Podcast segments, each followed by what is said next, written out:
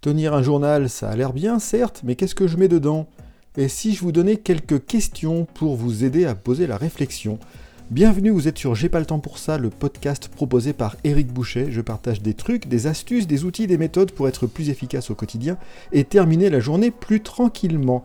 Ces questions, je ne les ai pas inventées, je les emprunte à Ravir Lori, qui tient euh, le site Finisher Secrets, où il propose un certain nombre d'idées pour être plus efficace. Il a même un cahier euh, à la manière du bullet journal pour vous permettre d'identifier les tâches que vous avez à faire et être plus efficace. Il nous propose trois catégories de questions pour trois moments clés. Pour le matin, ce qu'il dit, il se pose deux questions et il règle son chronomètre sur 3 minutes pour répondre à chacune de ces questions en deux phrases maximum. Première question, une chose qui me passionne. Deuxième question, une chose pour laquelle je suis reconnaissant.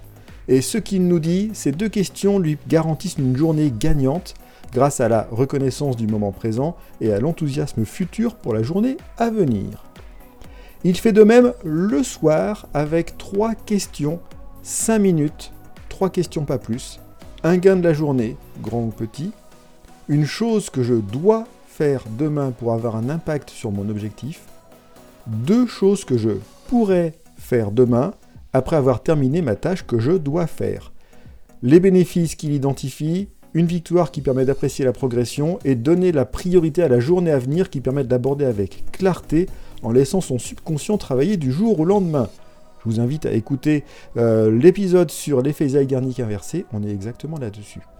Et enfin, il nous propose un troisième jeu de questions qui, elles, sont à l'échelle de la semaine. Euh, dit-il qu'il l'aide à évaluer ses progrès, découvrir ce qui a fonctionné, apprendre des choses sur ce qui s'est bien passé ou pas, et définir les efforts qu'il va avoir à faire.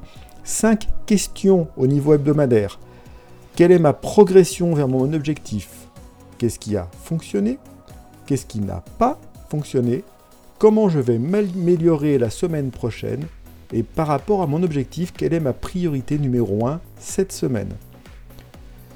Ce qu'il nous dit, c'est que ces questions ont été son secret pour réduire de moitié le temps nécessaire pour atteindre ses objectifs à plusieurs, euh, plusieurs reprises. Et nous dit-il aussi, la meilleure façon d'obtenir de meilleures réponses est de commencer à poser les meilleures questions. Testez avec celle-ci affiner si vous le souhaitez, euh, revoyez, euh, mais on a une base intéressante à la fois pour le matin, pour le soir et derrière sur une revue hebdomadaire avec ces questions qui vous permettent d'avancer vers vos objectifs.